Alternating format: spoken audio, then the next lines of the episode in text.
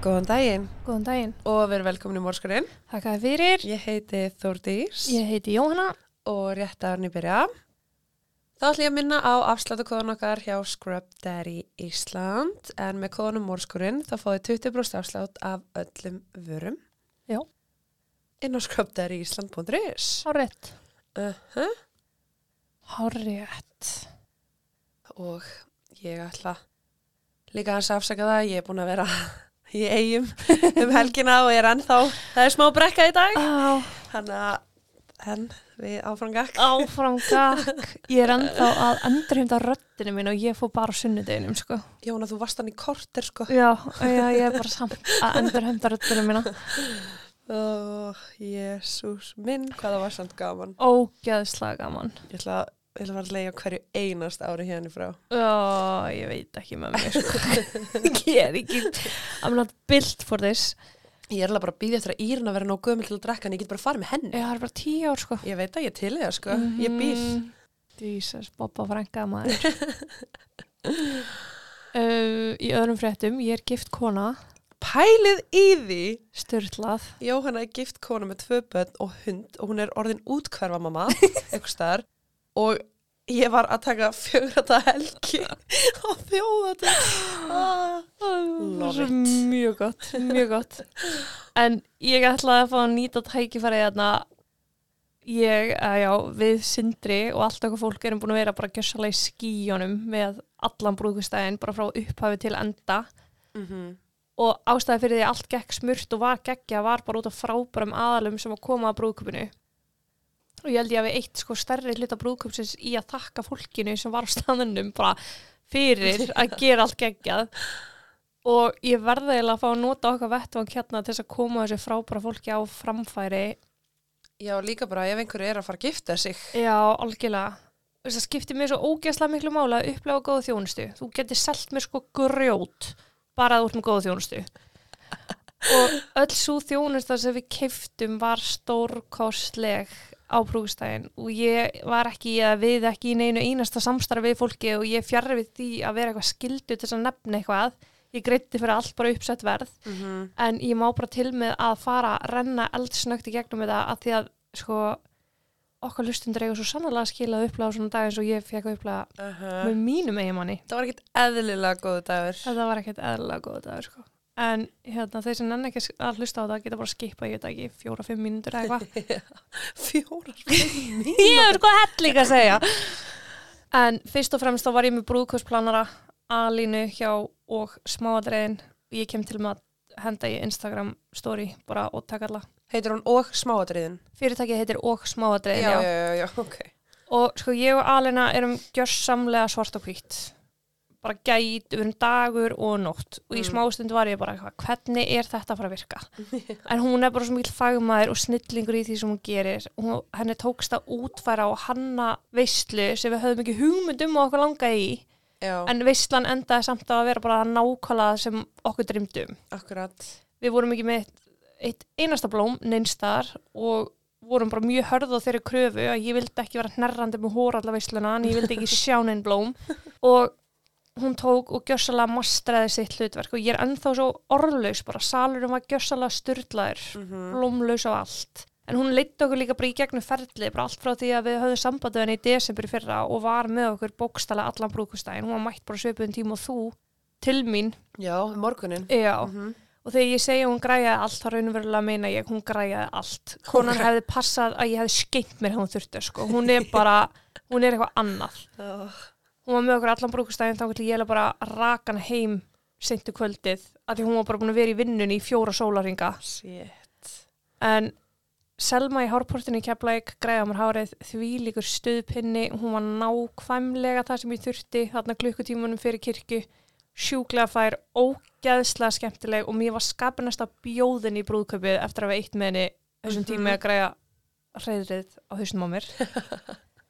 Guðrun Árni söngi kirkjunni, grætti alla með innspilinu held ég, Sérstaklega sindra. sérstaklega vendra og spilaði á píano hún er bara dásamleg, gjössalega dásamleg fram í fingugóma hún var bara með ótrúlega þægilega nervjöru. Hún var stanslist að laga kjóluminn í kirkjunni. Ég elskaði þegar hún fór og lagaði kjólinn fyrir Já. myndatökuna. það var geggjað. hún var bara svo on point og þú veist, með, hún var með rúsin og seriós ef að stelpunir eru með vesen í kirkjunu skilur og hún er bara, hún er geggjuð maður kvöldsins var Rikki G. Já, hann sá um að veislistir á brúðköpunu og guð minn góður, ég held að ég hef aldrei nokkuð tíma hleyið jafn mikið og ég gerði þetta kvöld. Þetta var geggjað sko. við vorum með sko ógeðslega háa væntingar og hann fóð svo langt fram úr, fram úr okkur björtustu vonum sko. hann var fullkominn fyrir okkar brúðkaup og fyrir þá stemmingu sem við vorum að leitast eftir sem var bara fjör og gaman. Mm og ég sett honum eitt skiliti og ég sagði ég ætla að fá að labba hérna út með maskarnir að kynnum að því ég er búin að grenja úr hlátri sko, og það var nákvæmlega það sem hann græjaði sko. Mhm. maturinn var frá luxveitingum og shit hvað maturinn var geggjaður. Og ógeðslega fagmáli þjónusta líka. Ég held ég að við sko slengt fram henni á tveim dögum, ef ekki bara föstu deginum fyrir brúðkaup. Að við erum að bjóða upp á eitthvað sem var glútenlaust, eggjalaust, mjólkunlaust, grammetisvæði, vegan þú veist bara því ég, það var eitthvað sem ég klikkaði á. Mhm. það var þetta eitt. Þeir voru með eitthvað svona seljurótar græmiti skórið eins og kartöflubát og ég var handvissum að þetta væri kartöflubát Já, en það samt var ógeðslega gott fannst mér, þú ert ekki þarna með einu lífinu sko. Nei, Nei, nei. Eftir, þetta var ekki vond skilur bara, þetta er svona eins og þú heldur að taka sopa vatni en þú ert ekki að taka sopa sóta vatni á, ég skil alveg hvað þau sko. En matur var geggjað maður var styrlað sko. Mhm. þeir tvíkuðu bara líka réttina án þess að það var kostnað einhvers annars rétts skilur þú veist, þeir tóku ekkert út, þeir bara Mér finnst það líka bara svo simpul og þægilegt, þú veist, þetta var ekki of mikið, en þetta var akkurat svona passlegt, þú veist, hvað þú myndi vilja hafa distnum já, hverju sinni. algjörlega. Við keftum köku frá Sandholti líka uh, til þess að hafa samhlegar eftirréttunum frá Lux og hún var sjúklega góð hitt í marki mörgum nema Þórdísi sem borða bara skuffu köku með smartís Svo voru það trúpadórarnir sem komu og heldu alvöru sveitaball, Ellert, Bóas og Brynjar. Já, og þeir voru gjörsamlega geggjær. Ég vissi það að við vildum fá trúpa frá þeim stöðum sem ég djamma sjálf á, sem er danski barinn Mm og eða danska kráin og Irishman Pub.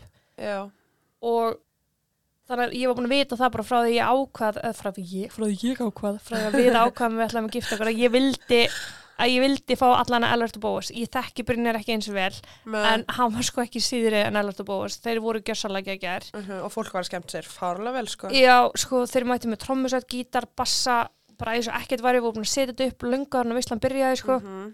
og ég dansaði þar til ég neittist þess að fara bara úr þægilegu hælaskónum mínum, sko. Já, Það bara gafst ég upp. En svo voru það mínu menn, ljósmyndarinn Gunnar Bjarki og videografirinn Bjarki Jóhans. mhm. Þeir eins og Alina og Selma hjá Horportinu voru ástæða þess að ég var aldrei stressuð. Ekki neitt, allan morgunin. Þeir voru svo ógeðsla skemmtilegir, þægilegir og fagmannlegir báðu tveir í gegnum allan daginn. Já. Og sko, það var svo mikil bandir á Mhm. meðan við vorum að græja okkur. Þeir voru að gera grína stöðum alveg sektinu minni. Já, og þeir uh, ok. þórtist náttúrulega mætti læði fyrir utan með stöðumálasættina ennþá á rúðun hjá sér. En veist, á meðan við vorum að gera okkur til, á meðan aðtöfnu stóðu í vislunni sjálfur, þá voru þeir bara í stuð, veist, þeir voru bara, já, fagmannlegir, þeir þurftu að vera fagmannlegir, þeir voru ógæsla skemmtilegir, þeir, þú veist, höfðu tækifæri til þess, Mm bara, já, stemningsgaurar, sko. Mhm. Og vislugestir töluðu um bara ljósmyndarinn, eða ljósmyndararnir Já, voru skemmtilegir og mér finnst það eiginlega bara súmur að ágæðlega hversu mjög snillíkar þeir eru af því ég vil tekum maður ekki eftir þessum aðalum nei, einmitt. en svo eru þetta sérstakt sjátt á Þórtísi Karni sem að passa að ég væri með eitthvað, á, eitthvað áfengt í höndunum frá klukkan tíu um morgunin og til tvö minútina Uh, já, ef einhver vantar aðstof við það, þá er ég laus. viti hvað er ég að hafa samband við það var búið að poppa champagnana bara klukkan 10.05 eða eitthvað Já, bókstallega, sko. sem var þetta ógeðslega vant það var hann að mál Já, já, ég veit ekki eins og okkur er langað í þetta, sko. Nei, það var bara Ég held að það hafi bara verið svo forðið fannu veitt. ég var ekki lengi að byrja pappa um að hendi mér bjór sko. en ég mæli, ég get ekki mælt meira, mikið meira með sko. ég, ég takk allavega Instagram og þetta er bara svona appreciation post sko. hérna ég, ég er ég vildi ég geti endur upplöðan dag í hverju Mhm. einustu viku sko. þetta var svo viðbjóðslega gaman Já, og líka bara, þú veist, þetta var, þetta var svo fullkomin dagur, þetta var ótrúlega gaman og fólk hafði orð á því hvað það var skemmtilegt Já. og hvað skemmt sér vel og hvað það væri bara geggjað. já, þetta var bara styrla sko. Já. og það er líka, þú veist, að besta við þetta er að þetta er ekki kostuð auðlýsing Ekki neitt, ekki að sko. neitt þá, það var ekkert samstarf það er engin afslutur, það er ekkert þannig að þetta er svo einlægt, Þetta er svo einlægt. þú veist bara hvernig þér leið með þinn brúðköpsdag Mm Ég er búin að vera lítil í mér núna ég að vera tvær vikur, hvað þetta var ekki ekki sko. Þetta var alveg störlað. en nú er Jóna gift konu og mæti bara þjóðatíð í kortir Já, því miður. Ég finnst að það hefði meira að gera með þessu börn sem ég hatt en eiginmann, sko. En... Já, við höfum reynda lífa ykkur alfari frá svona bladri upphæðu þótt en ég komst Já. ekki upp með, ég bara gata ekki annað en að bladra aðeins kjafta ykkur eirað. þið þurfa allan ekki að áhyggjur að fá svona frá mér á næstunni Gætum talað um þjóðatíð, hvað gerir það þjóðatíð? gætum gert það, en við skulum sleppa Ég þið held að það sé betra. en já, heyriði já, æðislegt Hvað? Bara, uh, ég er að spá ég að byrja fjáröflun fyrir nýjum hálsi Já, svona lungna ígræðslu. Já, væri næs. En þá ætlum ég að vinda mér í málið. Yes, sir. En við erum komin til Surrey í British Columbia í Kanada. Ok. Mm.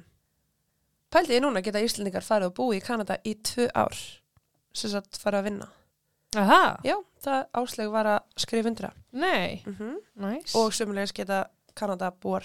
Ég elska að þú voru að tala um að voru að djamma á, þjóðutíð fjóru dag sem hún er bara áslöðarna að hún var sko að skrifa undir með butan og púlsinu þarna.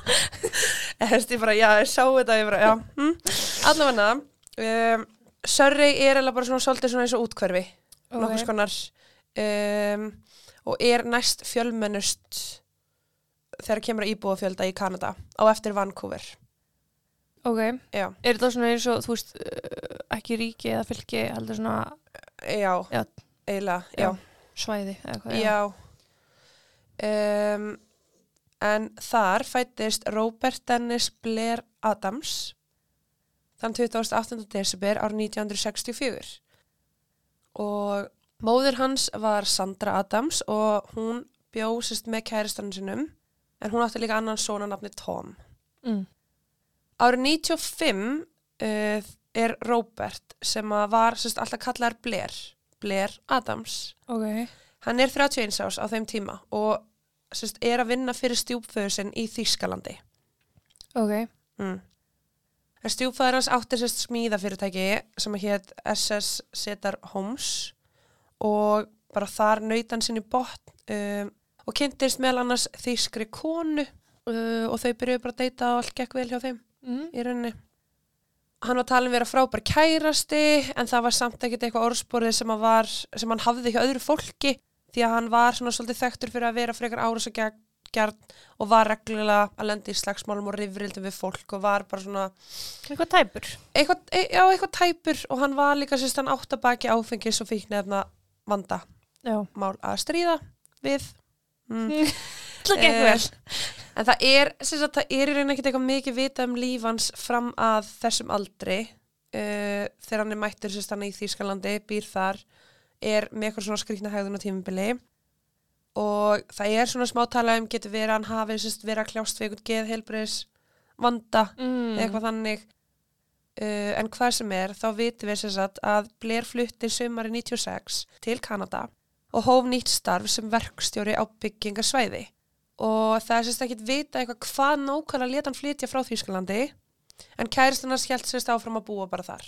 Ok, en held það áfram í sambandi. Já, Ok. Blair virðist hafa átt mjög gott líf í Kanada, hann átti góða vini og bara stóð sér vel í vinnunni og bara allt virtist hafa gengið vel. Hann byrjaði að mæta á AA-fundi og vinur hans töldu að nú væri hann sko að ná stjórn á lífi sinu á ný. Blair líkaði nýja starfi sitt og hann var veliðin að samstarfsfélagum sínum en hann stóð sér bara mjög vel, en oftur hver, hvers ótt ætla ég að segja það. en það gerði sérst þannig að hann var svona fyrstu mánuðinu var hann með frekar mikið metna fyrir vinnunni en eftir því sem að leiða og fór fólk að taka eftir því að hann var að verða frekar kærulus. Uh, hann hætti að mæta á AA-fundina og líf hans byrjaði bara svona svolítið að fara niður á við. Byrjaði að mæta sent í vinnuna, þú veist, og var bara ekki lengur þessi metnaðarfulli gæi sem var að byggja upp eitthvað góða framtíð. Það er í raun ekkert eitthvað að tala um hvort hann hafi byrjað að drekka eða ekki þegar hann hætti að mæta á AA-fundina en hann mætti að minnstakast að hætta hann hætti að minnstakast að mæta uh, og þessir fundir voru náttúrulega bara haldum stöðum og í jafnvegi. Já. Sko, síðan uh, kemur svona ákveðin það sem að gerist uh, og svona tímalína sem að leiður okkur að því málinu í dag. Ok. En það byrja sérst þannig að í kringu 4. júli ára 96 að þá er Blair bara að byrja að haga sér mjög skringila. Talið er að hann hafi sérst í einhverju skiptum vera þú veist, að hlaupa um gödurnar, hoppa yfir einhverja girðingar og fela sig bara einhverju garði hjá fólki. Mm. Og já, þetta var eitthvað svona rosa skríti og síðan var sko talað um að hann hafi farið á einhverju bensistöð og ætlaði að reyna að fylla bíli sinn en þegar hann var spurður um ID-kort að þá hafa hann orðið bara stressaður og farið á hans að borga. Og að, að hann hef, þetta var bara svona, þú veist, bara mjög skrítin hægðin. Gerst bara einn daginn. Já, bara 4. júli ára 96. Ok. Þannig var líf hans búið að aðeins að fara niður og við með aðfundina og allt þetta. Mm 5. júli uh, þá tók Blair út allt spari fyrir sitt af bankabók sinni og tæmdi henni öryggishólfið en í því voru yfir 6.000 dalir í reyðu fyrir, sérst bæði þýskir peningar og kanadískir peningar Ok. um, og það voru líka skartgripir í sérst öryggishólfinu uh, og það var þá sem að hlutir fóru bara vera mjög skrítnir en Blair hafði sérst sagt um möðu svona að það væri eitthvað ángrann og hún vissi raun ekkert hvað það var en það var hann heldur ekkert eitthvað að ræða það Nei, Þú veist, nei. hann var bara svona, já, þú veist, það er eitthvað í gangi, bla, en var ekki að segja frá hvað nákvæmlega það var. Uh, eftir þetta, sérst, eftir hann tekur út peningin, þá fer hann í óvænta ferð til Courtenay í British Columbia og ætlaði sérst að heimsækja frænda sinn, en vegna þess bara hver stutti fyrir var var, hann leti ekkert vita af sér, að þá gata hann í raun ekki gert af henni þess að frændas var ekkert heima. Uh, þarna var Blair í raun bara hættur samskipti við vini sína og enginn vissi að á þessu tímabúti hann hafði tæmt bank bankareikningi sinn. Já. Tveimur dögum eftir það, uh, sérst 7. júli, uh, að þá segir hann við mömmu sinna að það sé eitthvað að og fer sérst í aðra óvænta ferð. Hann sest upp í Chevroletin sinn og keirir að landa mærum Kanada og Ameríku í vonum að fara um borð í ferju frá Victoria til Seattle.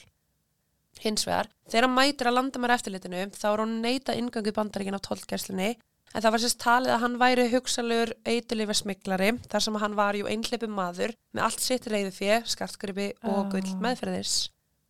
Þeir tók einnig eftir því að Blair var mjög kvíðin við komin ángað og fannst hann bara vera mjög grunnsalur. En ofan á allt þetta þá hafði Blair áður verið dæmdur fyrir fíknefnabrót sem og líkamsára sér eh, sem hann alltaf bara uppgötuðust þegar hann var að reyna að fara yfir landamærin. Því þú alltaf bara að það er skoða hvað Stína sögu. Mm Honum var sérst neitað aðgang að bandaríkjunum.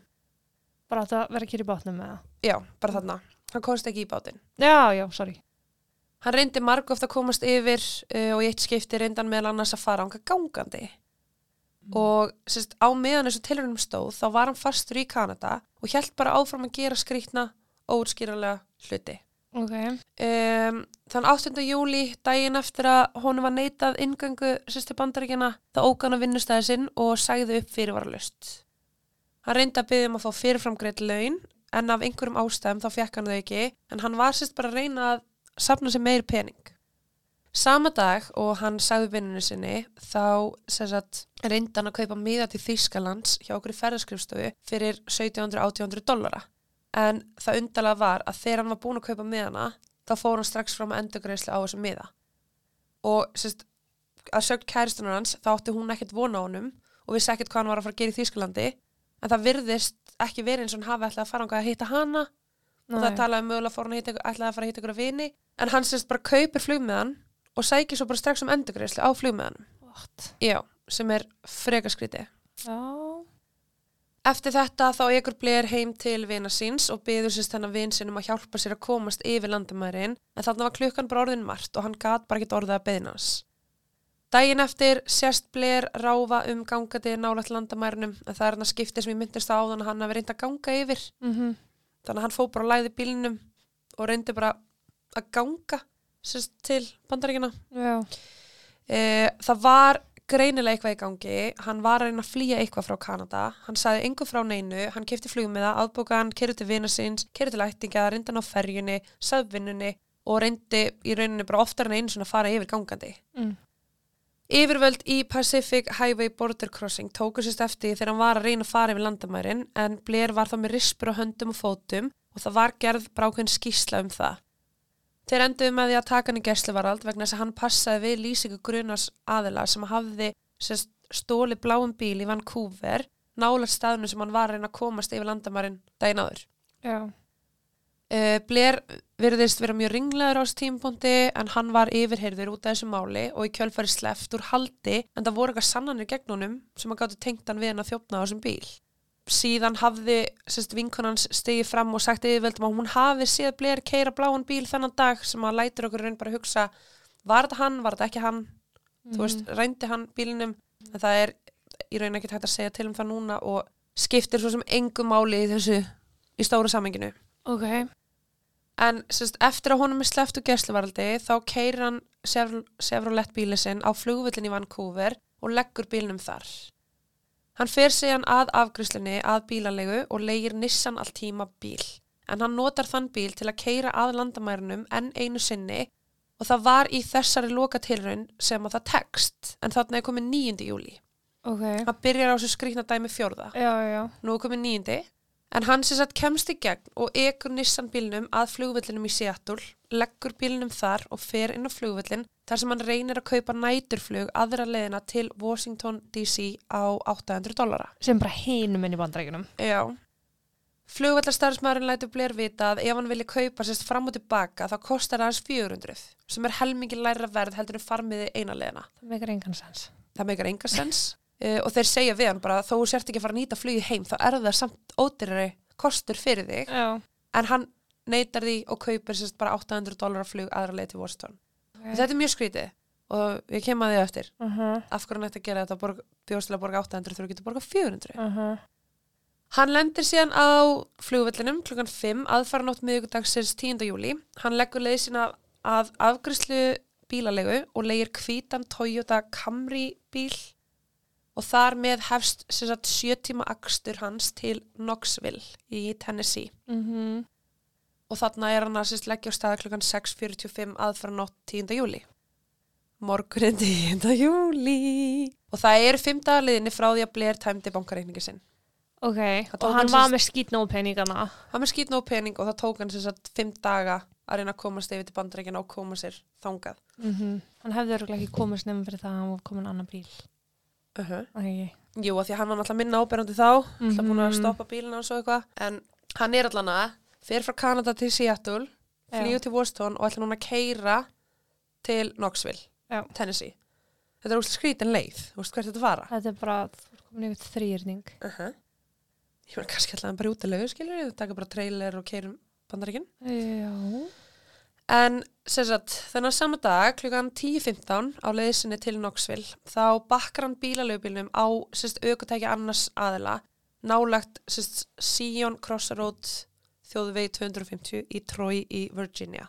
Skiptir ekki máli hvað það er í rauninni eh, en áraugsturinn er lítill og bara allir minni áttar skemmtum Já. en þeir samt sem áður þurfti að gera tjónaskíslu og á meðan að spjalli þeirra stóð um tjónið þá virði, virtist Blair hafi verið bara í mjög góðu skapi en hann var á hraðferð, hann var að drífa sig eitthvað og það var svona eins og hann ætti að vera eitthvað starf Ok. þeir þá náttúrulega bara kláruðu tjónaskísluna og Blair hjælt á stað ferlæsinu Um 17.30 kom hann svo til Knoxville þar sem hann stoppaði á bensinstöð í Strawberry Plains Pike. Á bensinstöðinni síndi Blair undarlega hegðun sem að gerða verkum að hann var bara mjög eftirminnilegur starfsfólkinu. Afgriðslumæðurinn endaði raun á því að ringja í velvirkja að nafni Gerald Sapp eftir að Blair held í fram að hann hefði tekið bensín þá gata hann ekki lengur keirt bíli sinn. Þannig að hann er sérst, tekur bensín fyrir bensinstöðina, er að haga sér skringilega og segir bara hei, ég var að taka bensín og nú virkar ekki bílinn meðan það er aðstöð. Mm. Gerald vel, velvirkinn, hann lagði leiði sína að bensinstöðinu til að skoða hann bíl og sagt, hann tekur eftir því að ástæðan fyrir því að Blair gat ekki komið bílinn sínum í gang var vegna þess að hann var að nota vittlisann bíllegil. Ó. Uh, hann sagði Gerald að hann hefði skilið sérst, því hann var upprunnulega með bílalögu bíl sem hann leið, leiði Nissan Nissan, sem hann kerði yfir og svo flög hann til Washington og þar tók hann nýjan bílalögu bíl. Mm Uh, þarna var hann sérst með það var Nissan. Nissan bílinn fyrst og svo núna Toyota Já. Og hann sagði við Gerald bara eitthvað, uh, nei það meikar ekki sens. Ég sem sagt fór og skilaði Nissan bílnum og liklunum og nú er ég búin að leia Toyota bifreið. En Gerald var bara eitthvað, ég held á Nissan bílegil Mm sem þú ert að reyna að nota á Toyota bíl. -hmm. og það bara virkar ekki. Nei. og hann sagði bara að það er ekki sens að þú sett búin að aka sjö tíma með þennan bílegil um, Blair vildi raun bara ekki hlusta á hann. Hann fullirti að þessi líkil var eini líkilinn sem hann hafði meðferðis og hann hafi jú allan tíma nota þennan líkil Vistu hverju svona þrösku líka? ekki ég Víst. Þú myndir rífast í fólki að heiminu var rauður. Á staðin á þess ég var staði. alveg séðan rauðan. Degiði! en uh, hann sem sagt bara fullirti að þessi líkil var að eina sem hann hafði meðferðis og hann hafi allan tíma nota hann og það var bara ekkert meira sem að Gerald gatt gert fyrir Blair en hann myndist þess að hann var mjög utan við sig en sagt uppaflega hafði honum verið sagt að Blair hafi læst sig út úr bílinum og þess vegna hann, hafa hann verið kallar á vettvang. Gerald hafði þá sérst, fengið tvo dráttabíla til að koma og sækja bílinn því er gátti náttúrulega ekki koma honum í gang en bíl, bílnum var ekið sérst, á bílaverkstæði og Gerald keiriði Blair síðan á Fairfield Inn hostelið þannig að hann geti farið og fengið gistingu þar. Ok, og það er bara, ok, þú ert ekki með bílíkilinn þá getur ekki nota bílinn. Þá ert þú bara að fara að gista ykkur stær. Þegar þeir mæta á Fairfield Inn uh, sem var bara ná- nálægt bensinstöðinni þá áttar Blair sig á því að hann hefði skilið töskunni sinni eftir á bensinstöðinni þannig að Gerald hleypir honum úr bílnum keirir aftur á bensinstöðina til að sækja töskuna og skilar henni til hans. Núna á þessum 40 mínutum sem það tók allt þá sést Blair á eftirlismyndalum á Fairfield Inn fara fimm sinnum inn og út úr andri hótelsins og það leiti allt út fyrir að hann væri bara mistressaður Mm. hann var bara eitthvað að ganga fram og tilbaka og var bara frekar skrítin. Starfsmæður hótelsins uh, sagði að í öllu innréttunarferlinu hafi Blair verið mjög æstur, hann horfði stöðut í kringu sig eins og einhver var að fylgjast með honum, þrátt fyrir enginn hafi verið á hótelinu. Já. Blair borgar sérst um 100 dali fyrir hótelherbyrgi og eftir það réttir starfsmæðurinn honum likil að hótelherbygginu en í staðin fyrir að fara og, fa og fara en í staðin fyrir að fara og koma sér fyrir á hótelinu þá tekur Blair likilinn, stingur honum í vasan og gengur út um andri hótelsins Ok. og Blair sest aldrei aftur á hótelinu eftir þetta Á hótelinu eða bara yfir höfu. mm, hótelinu Ok. Dægin eftir, 11. júli, um klukkan 7, um sérst að mótni til, stoppa tveir verktakar á vinnustæða sínum nálegt sérst hótelinu. En sérst þetta byggingasvæði er fyrir utan Strawberry Plain Pike, nálegt bensinstöðinni Já, á já. svæðinu og nálegt Fairfield Inn. Þeir eru sérst mæti vinnuna og ringir hún bara strax á neðlinna vegna þess að Blair Adams hafi fundið slátin á miðju bílastæðinu með eigur sínar á víð og dreifi kringu sig. Ok. Lögregla mættu vettfang og þeir tóku strax eftir því að fórnalambi var með buksunar dregna niður fyrir ökla. Þetta leit út fyrir einhver annar en hann sjálfur hafi gert það. Skór Blair lágu nálægt honum og sokkarnir hans voru tróðunir inn í skónuna. Uh, við hliðin á honum lág einni herbyggisleikilin hans á Fairfield Inn uh, sem hann hafi fengið kvöldin áður Mm og týndi Toyota bílleikilin sem hann hafði ekki fundið upprunlega lág líka hjá honum. Ok. Hann var sem sagt með báða bílleikilin á sér Já. væntalega annars hefði hann aldrei geta keirt já. bílinn.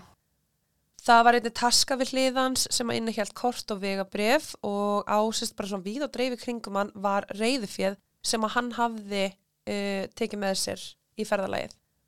Við nánari skoðun fann lauruglan einnig handtösku sem að innihjalt svona bara skartgripi og sólgleru, likla og fleiri hluti og svona þú veist gullstangir eða eitthvað sem að þú veist hann hafði tekið úr hérna örgisólinu sínu. Já.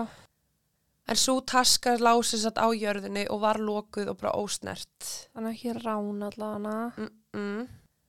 Áætla var að dánatími Blair hafi verið um 3.30 aðfaranótt miðugudagsins, eh, um það byrjum fjóru tímum áður en að lík hans fannst. Talið var að hann, hann að sjö morgun hafi, hafi hann verið látið inn í fjóru tíma. Já. Dánatímin er í samræmi við vittni sem að kom fram og sagðist að hafa heyrt öskur um þetta leiti. En þetta vittnit var vissum að það væri öskur frá konu.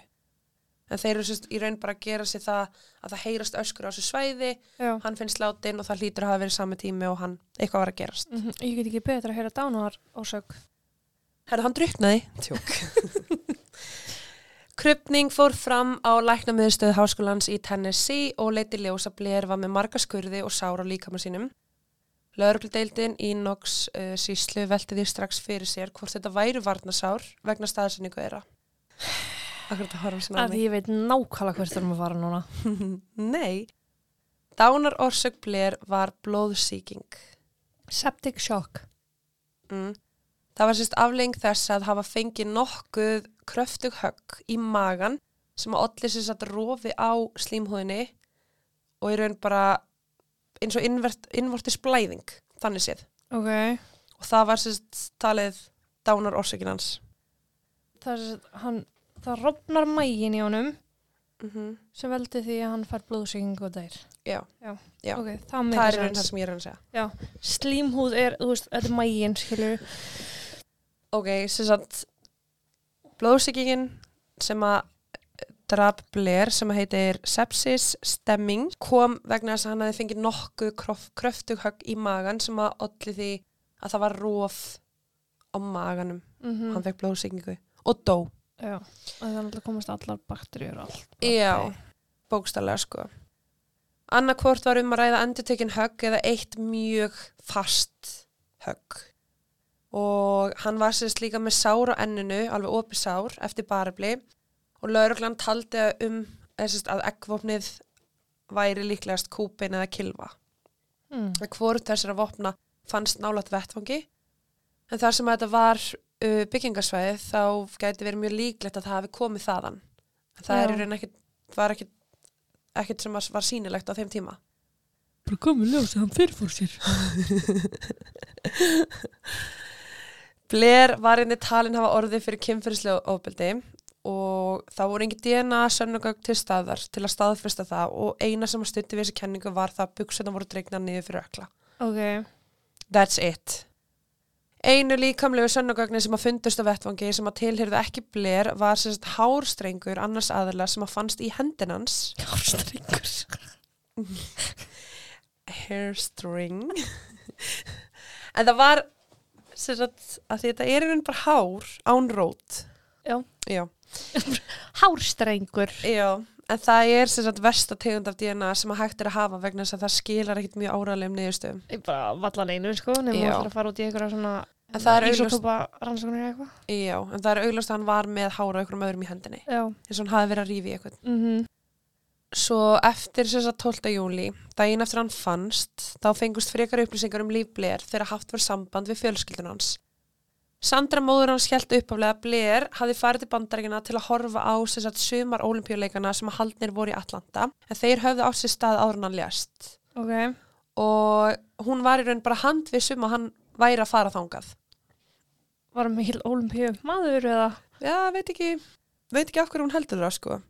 Sko, Blair hafði nefnilega búið áður Erlendis og það er ekki talið langt fyrir hann að fara frá Kanada yfir til bandaríkjana og fyrir honum, þú veist, það var ekki skrítið ef hann myndi ferðast alla þessa vegulegin einungis til að sjá olimpíuleikana.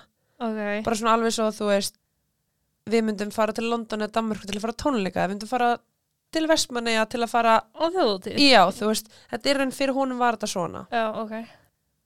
Eftir að Sandra frétt af andlati svona síns þá sá hún frá því að Blair hafi verið að haga sér undarlega ára hann fór stað og sagði meðal hans frá því að hann hefði hægt að mæta á aðfundi. Og hún sagði einnig lauruglu frá því að Blair hafi sagt að fólk væri að dreifa sögursögnum um hann sem væri ekki sannar en alltaf þegar hún reyndi að fá frekar upplýsingar um, um þetta eða hvaða sögursagnir væri á kreiki að þá sagði hann alltaf að ég ætti ekki að segja þeirra. Ég ætti ekki að vera að segja þeirra. Ok. Hann var mjög lokaður þegar hann talaði um að annað fólk væri að árita sig en það hafa sérst, það er einlega upplýsingar um þetta árita þessar sögursagnir sem að mögulega átt sér stað. Mm.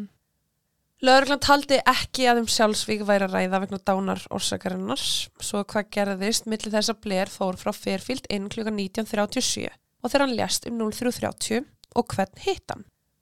Á blaðmannafundi hafði lögreglan sagt að samsett skiss af manni hafi verið gerð en svo mynd kom frá tveimur konum sem að sögust að var orðið vitna í þegar Blair var að tala við þennan mann fyrir utan uh, sem sagt Cracker Barrel veitingastæðin í Knoxville. Ok.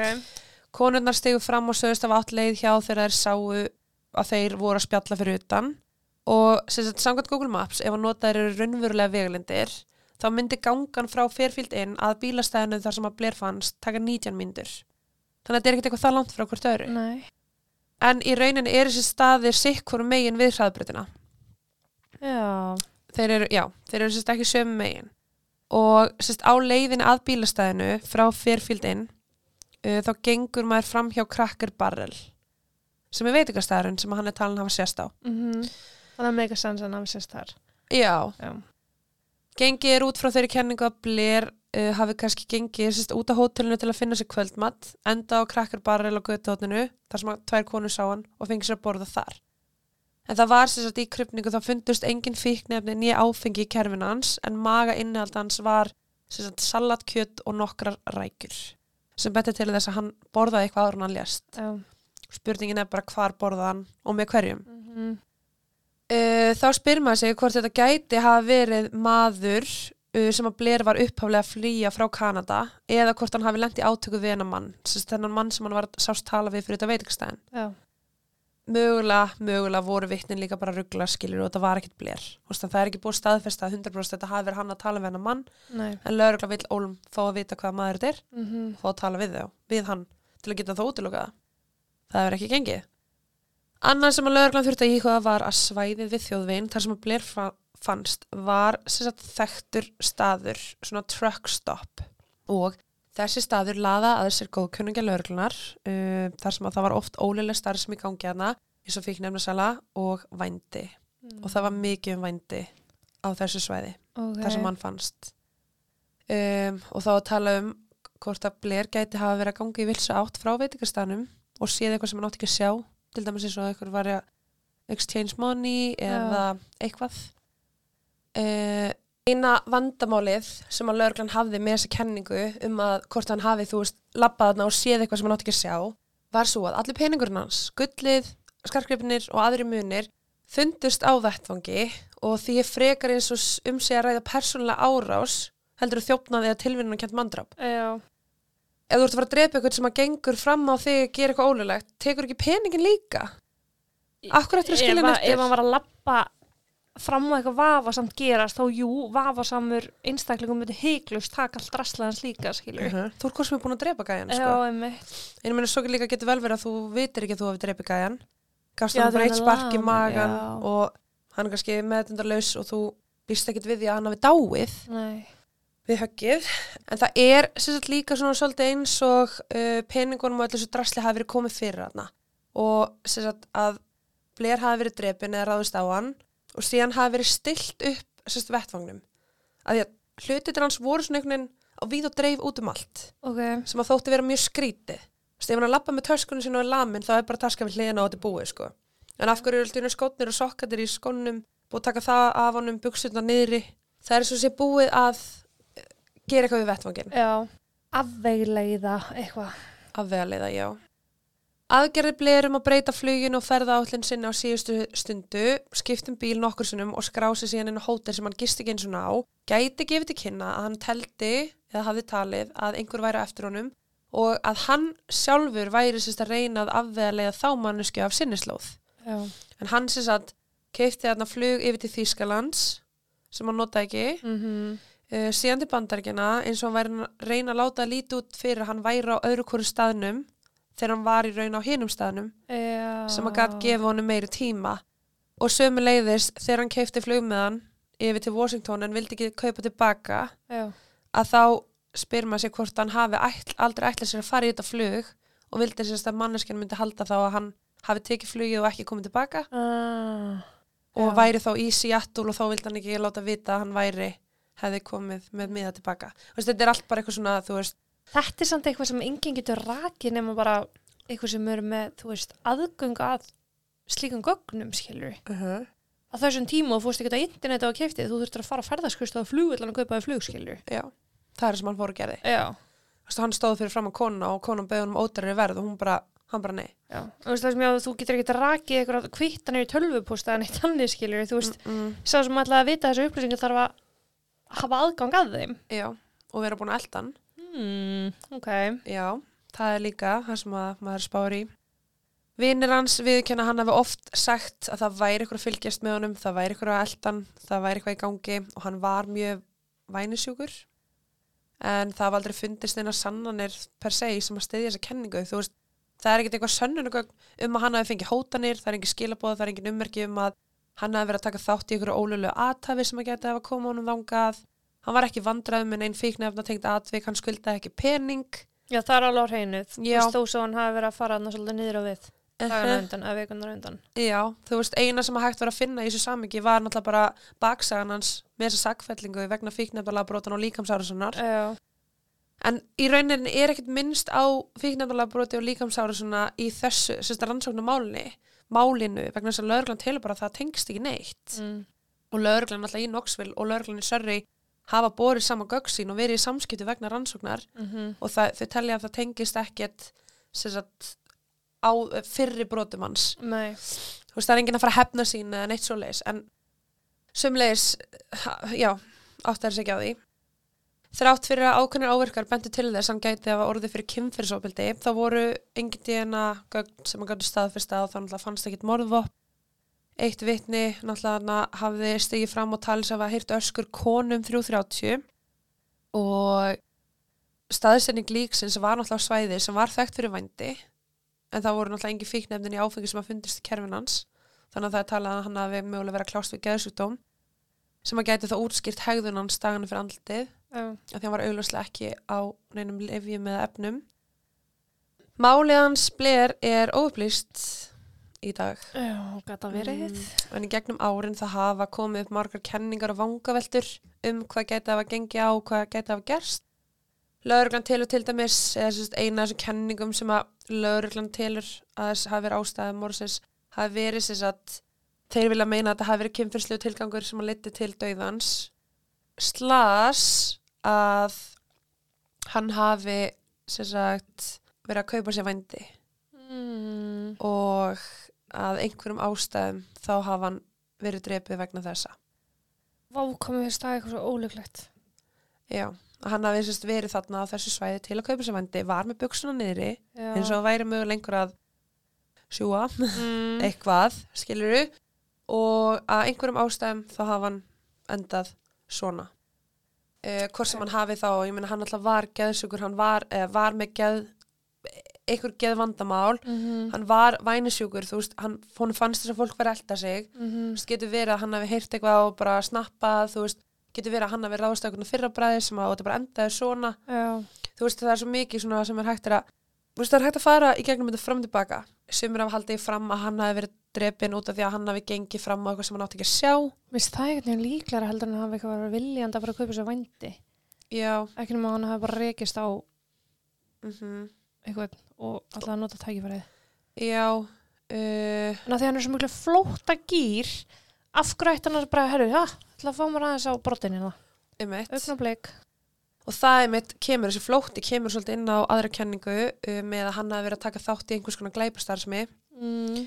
uh, og þessi kenning er náttúrulega bara út af óvinnleiri hegðun hans sem leiti til þess að hann var komið þangað og þeirri staður að hann var með mikið að magna peningum á sér þegar hann dó uh, og þá er einmitt spurningin sko hvort hann hafi verið að flýja eitthvað ólulegt sem hann gerði einhver glæpastar sem, sem hann gerði.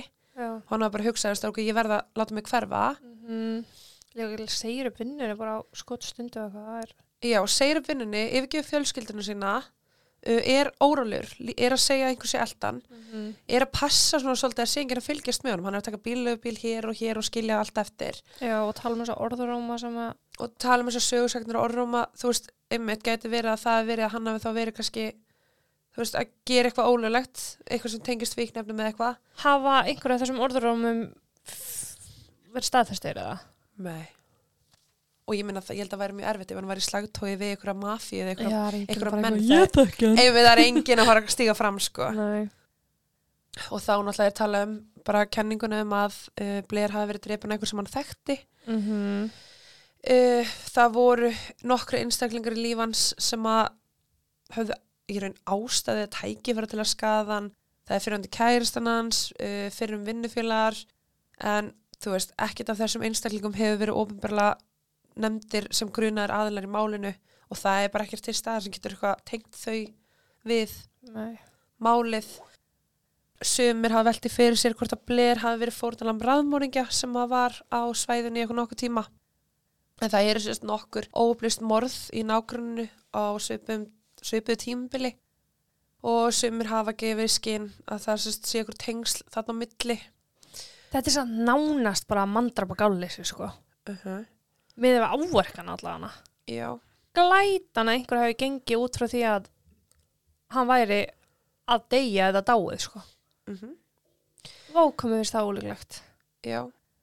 Ég meina þú veist, þetta er sko, þetta mál er bara eitt fyrðulegasta og skrýtnasta óupplýsta ráðgátumál ever. Já, þetta er mjög undurlegt. út af því bara hvernig hann er að haga sér og svo finnst hann að látin og það er ekkert og þú veist ég er bara eitthvað ok, ef þetta var tilhengkent þá hefur þú tekið peningin Já. mér finnst líklegast að einhver hafi ráðist á hann og ekki vita að þeir hafi dreipið hann því það er talað um voru þetta mörg högg eða, nokkuð, eða, eitt högg og við vitum alveg eitt högg getur dreipið Já. en það er ekki þannig sem vita það Mm að eitt högg getur drepið Nei. þannig að þú veist, átti kannski bara einhverja meiðan, þú veist, var hann kannski ymmit, gekk hann fram á eitthvað, var verið að hótonum -hmm.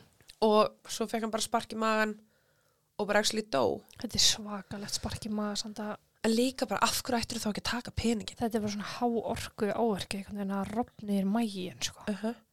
ég þú veist bara, sko, náttúrulega tala um mögulega að þetta verið kúbein Já. bara slamma því Mm -hmm. en þú veist hefðu verið ekki alltaf tekið peningin af hverju ættir ekki að taka peningin þetta eru nema að sé bara- 6.000 dalir Já, ekki nema að sé bara eitthvað panik og við komum til burtu skilur. Já. Sumum er þykir vætna um frelsi heldur um peninga sko. en það er samt eins og sé búið að stilla upp vettvagnum þannig að það Já. er ekki eins og þetta hafi verið panik og veist, það er búið að taka nú skónum og setja sokkana í skónuna Já, þetta er allt mjög fyrirlegt. Þetta er ógeðslega skrítið og ég hef, to be honest, ég hef ekkert meir um þetta að segja, sko. Þú veist, málið hans bleir endar bara bókstaflega svona og þú veist, það er búið að koma, sko, það er fullt af podcastum búin að taka þetta mál fyrir og það er til dæmis kom þáttur í Unsolved Mysteries um þetta mál, Já. gömlu Unsolved Mysteries, ekki nýju. OG. Já, um, og bara síðasta uppdatið frá þessu máli er sem sagt árið 2010 að þá kom lauruglu fram og sagði bara að, að þau hafa aldrei fengið neina ábyrningu frá almenning sem hefur hjálpað þeim með þetta mál. En það er svo sem enga ábendingu að gefa, maðurinn flúði allt sem hann gæti mögulega flúði, þú veist. Og þeir eru náttúrulega búin að ná að trekka allar þessi tímalínu, með Gerald og með mannin sem Mhm. hann klesta og skilur, þú veist, allt þetta. Þeir eru búin að ná ágætri tímalínu hvað hann var að gera og þetta er bara svo undarlegt, sko. Þetta er er að sér. En málið hans er óupplýst og ég bara, ég vona innilega en mér finnst það afar ólíklegt að það muni upplýsast. Ekkert, sko. Mér finnst þetta svo fáralegt að þetta sé hægt bara. Mm -hmm. Af því að þetta er líka bara, þetta er bara hefni, gera þetta megin, Mhm. þú veist, Ekkert eðlilega mikið að það hefni, sko. sé engi lífsýni, engi vitni, Uh -huh. ekki neitt. Af því að við komum trúlegast alltaf bara að lemja hann eða sparkja hann eða nota kúpin eða whatever Mhm. og hann deyri kjölfari. Já, líka þú veist, mesta spurningin er, var þetta ásetningur eða var þetta gáleysi? Þú veist, að því að þetta getur verið bæði, að því að það er til dæmis þetta byggingasvæði, þú getur bara að fyndi kúpin og lami, það er ekki svo að hafi mætt á vettfang með drasli á þér, skilur eða morðvapni. Þa, þá er það náttúrulega ekki ásendingur, þú veist. Ekki maður þannig að viljandi þú farið veist- þangað þegar þú vissir að kúpina skilur og það þykir sannað en Já, en sömulegis, þú veist, hverju líkundur að þetta sé bara tilviljun að kent mjög hvernig hann er búin að haga sér síðustu daga, að vera að forðast Kanada og segja vinnunni og stinga með peningin og, sko, hann rífst þarna við bensín stöðvar fólkið, Garrett, uh -huh. Gerald. Gerald að Hann gæti verið alveg vera- lífslykill. að þú veist, gefa sér svona að rífast einhvern annan sem bara tók því illa skilur, já, sem hafa bara stein þegiðu uh -huh. og þetta andar svo leiðis. Já. Þú veist, geti verið sko dísæs, við getum verið að Get, ég, fram. við getum fyrir fram og tilbaka í Oh. allan dag með þetta sko Þannig að, en já, svona er allan að málið hans Blair Ég var allan ekkert meira að þetta bæta. Nei, En ef það kemur eitthvað, þá skal ég sko aldrei slátt ykkur vita. Já. Þannig að já, ég að ætla þá bara að segja takk í dag. Já. Takk og bless. Ok. og þar til næst. Takk og bless. Takk og bless